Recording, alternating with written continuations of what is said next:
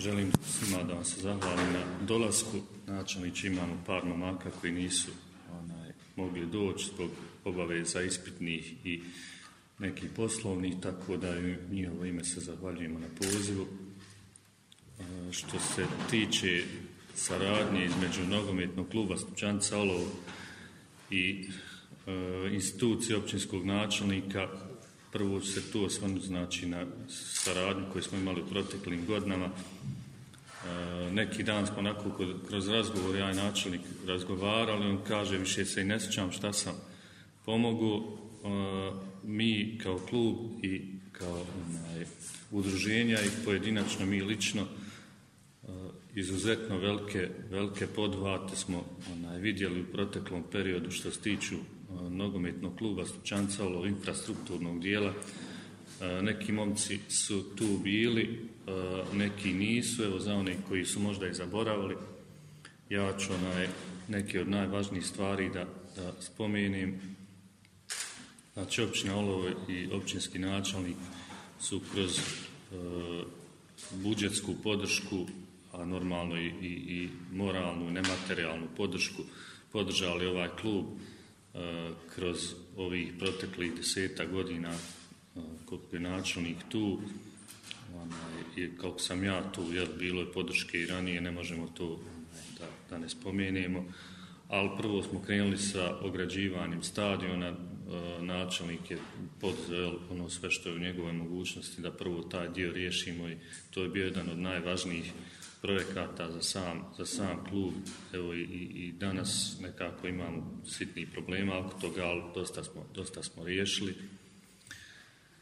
Sam taj kompleks sportske dvorane, tenskog terena i, i, i, i naših prostorija i tribina je onaj, dolaskom načelnika dobio nekakvu jedinstvenu, jedinstvenu cjelinu i, i zaokruženu cjelinu koja služi sportistima, ne samo futbalerima što onaj, mi možda najviše koristimo kao udruženje i izgradnjom sportske dvorane, izgradnjom ovih tribina što su bili sljedeći koraci, jel, ti veliki infrastrukturni od strane načelnika, mi smo dobili stvarno jedan modernan kompleks koji, na koje nam zavide svi i vidite sami kad dolaze nam gosti, bez obzira da li to bili igrači ili službena lica ili publika koja pristuje iz drugih gradova da su svi oduševljeni tim kompleksom.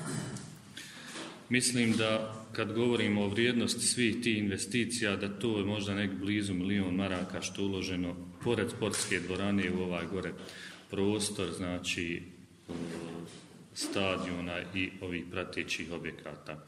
Ima tu nemjerljivi broj sati radnih ljudi koji su uposleni u općini od strane civil, službe civilne zaštite, od strane komunalnog predsveća, normalno i našeg onaj, i volonterskog i, i drugog rada, tako da evo onaj nekako kruna sve te saradnje možda ova godina u kojoj smo i mi kao klub doživjeli jednu potpuno novu promociju na neki način vratili ono što je uloženo u nas od, od strane općine kroz jednu lijepu promociju općine Olovo i onaj, evo, izrazio bi prvo onaj, zadovoljstvo na, na saradnji, korektnoj, fair, ne samo s općinskim načelnikom, nego sa općinskim službama, na korektnosti svih službi, po, posebno znači, kažem, službe civilne zaštite i službe za ekonomske poslove sa kojim smo u svakodnevnom skoro kontaktu.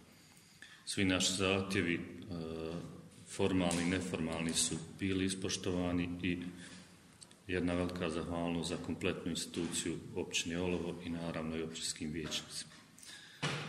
Ovaj drugi dio saradnje sa, sa da kažem, kemom, onaj, isto tako traje i više od deset godina. Kemo, Memagić, firma Almaras su bili prvi inicijatori, znači obnove one naše upravne zgrade. To je bilo davno i prije nego što sam ja bio u klubu, tako da svi znate da ovaj odnos traje već duži niz godina i prije, prije ovoga svega što smo mi ostvarili.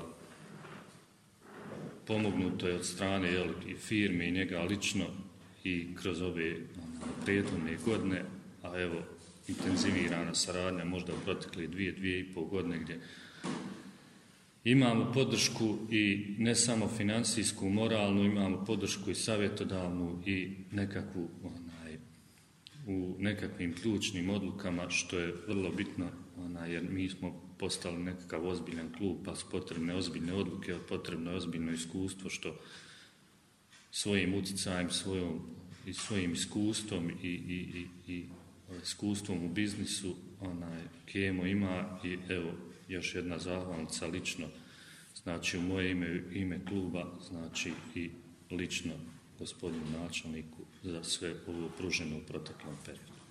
Eto da ja ne bi dužio više još jednom u ime kluba, u ime svih ovih momaka danas prisutnih i u svoje lično ime zahvala za općinu Olovo i za instituciju načelnika i za vas lično. Samo kratko, kad je u pitanju moje poznavanje futbala, zaista moram reći da nisam neki poznavalac futbala, ali ste uspjeli svojim radom i trudom da, da me prikujete za televizor, da se gledala sve vaše utakmice, zaista ove posljednje.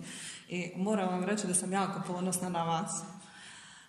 Ja vam želim u svoje ime puno zdravlja i puno uspjeha ako Bog da u budućem radu, pa da se još češće ovako viđamo i da slavimo vaše pobjede. Jer svi smo mi stupčance, tako ide nam sloga.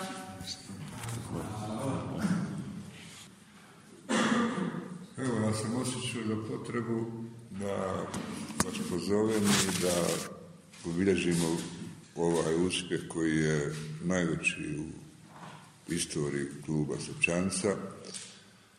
Naravno da ovdje e, trebalo bi možda dvije, tri sale ljudi onaj, da sjedi koji su zahvalni za, za ovako nešto. Ali vi ste vrhunac svega toga i naravno ja želim sama podijeliti uh, ovu mukotrpnu sezonu koja je bila. Uh, znate i sami kakav onaj jedno malo olovo protiv neki veliki onaj koji su htjeli.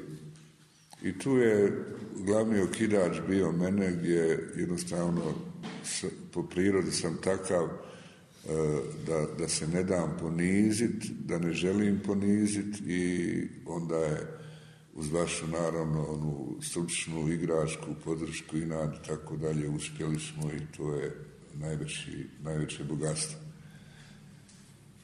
E, istorija kluba Stupčanica, ovo što ja znam, ona jednostavno E, nije bila organizacija, nije se nikad e, potrefilo ovakvi ljudi tipa Semira i svi drugi onaj, oko Semira, koji nisu gledali svoje interese. Nažalost, e, prije je to bilo na neki drugi način, interesno uprava, pa onda šta napravimo. Međutim, to se pokazalo kad ljudi onaj rade timski, a vi ste radili timski, i to se vidjelo na terenu i svi su uh, bili zavidni, odnosno ljubomorni uh, vašim neizjavama i posle teških trenutaka, odnosno vašim ponosom kad ste pravili pobjede i tako dalje.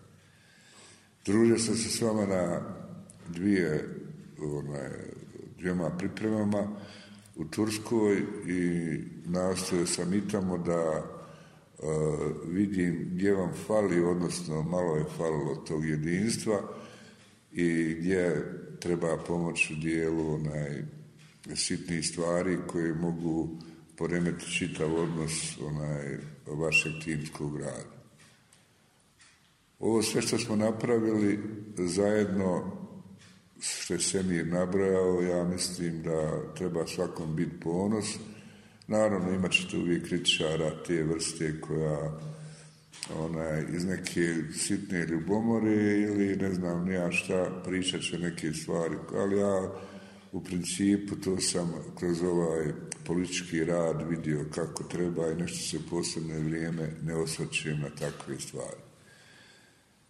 Mi sad imamo izazove onaj, održati se u ligi, Naravno, to neće moći bez većih financija, bez veće angažovanost, tako dalje. U taj stručni dio rada ja vam se neću miješati onaj, što se tiče samog futbala i organizacije, rukovođenje i tako dalje, ali sam vam na dispozitivu te vrste e, financijske pomoći ljudi koje ja znam koji mogu onaj, kroz financijska, odnosno druga, druge pomoći vam pomoć kroz ministarstva i tako dalje. I naravno općina Olovo sad je dobila jedan veliki zadatak da nisu to više onaj, pare do 30.000 maraka koje su se odvajale u budžetu, nego će biti sigurno o, najmanje 100.000, pa vidjet ćemo kako će se budžet onaj odvijati. E, svašta nama gore fali, najveća nama e, e, prepreka može biti sam, sama konfiguracija zemljišta odvaja nas put i onda imamo još par ti privatnih posjeda koji nisu spremni da prodaju ili će tražiti neke velike cijene, a meni bilo kako dalje taj drugi pomoćni stadion koji stvarno treba sa, ne znam ja, još nekim ovaj, elementima sportskog centra. Mislim da ćemo mi to uspjeti obezbijeti pare i napraviti to sigurno ako budemo zdravi živi, da to treba nam biti zadatak.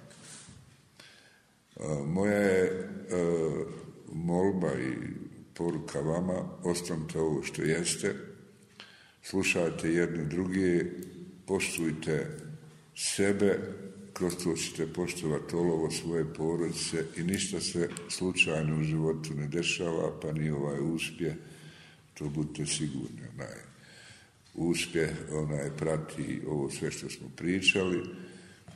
Ja sam danas odlučio da vam onaj jedan mali vid pažnje u vidu satova, sviju jednakih izličnih sredstava dodijelim da imate uspomenu na ovaj, ovu čitavu sezonu i na mene lično onaj da sam bio učesnik svega toga i, i sebi sam onaj odvojio partiji markica da ja imam isti sat i on će izgledati ovako.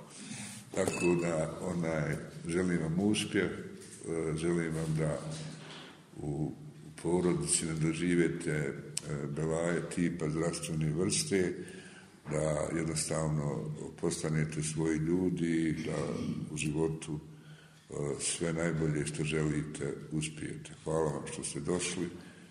Tu smo da pravimo onaj dalje iskorake i ja mislim da ćemo držati iduću sezonu da negdje neka moja, moja, moja vizija je sredina tabele što bi bila, ali ako budemo i vrhu, ona nećemo se gurati.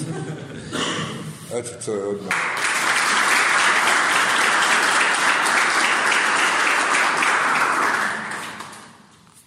Veliko hvala i načelniku i ne samo načelniku, svim ljudima koji pomažu, koji nam olakšavaju ovaj rad.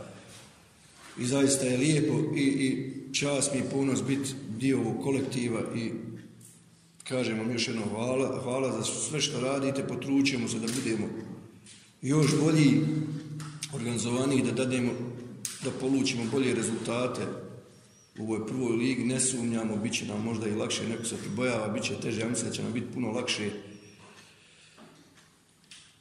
I zadovoljstvo je biti, kažem vam još, jedno, još jednom veliko hvala i cijelom gradu, ne samo vama i navijačima i svima, onaj, jednostavno lijepo je biti tu sa vama. Nastojat ćemo da budemo još, još bolji, da opravdavamo ovo što ulažete, a nadamo se, sad ste rekli, ako budemo živi i zdravi, bit ćete vi živi i zdravi i napravit ćemo. Hvala u ime cijelog kolektiva. Se zahvalim na svoj pažnji i, i koju ste ukazali prema nama i na svoj podršci koju smo imali od strane vas. U ime cijelog. Hvala.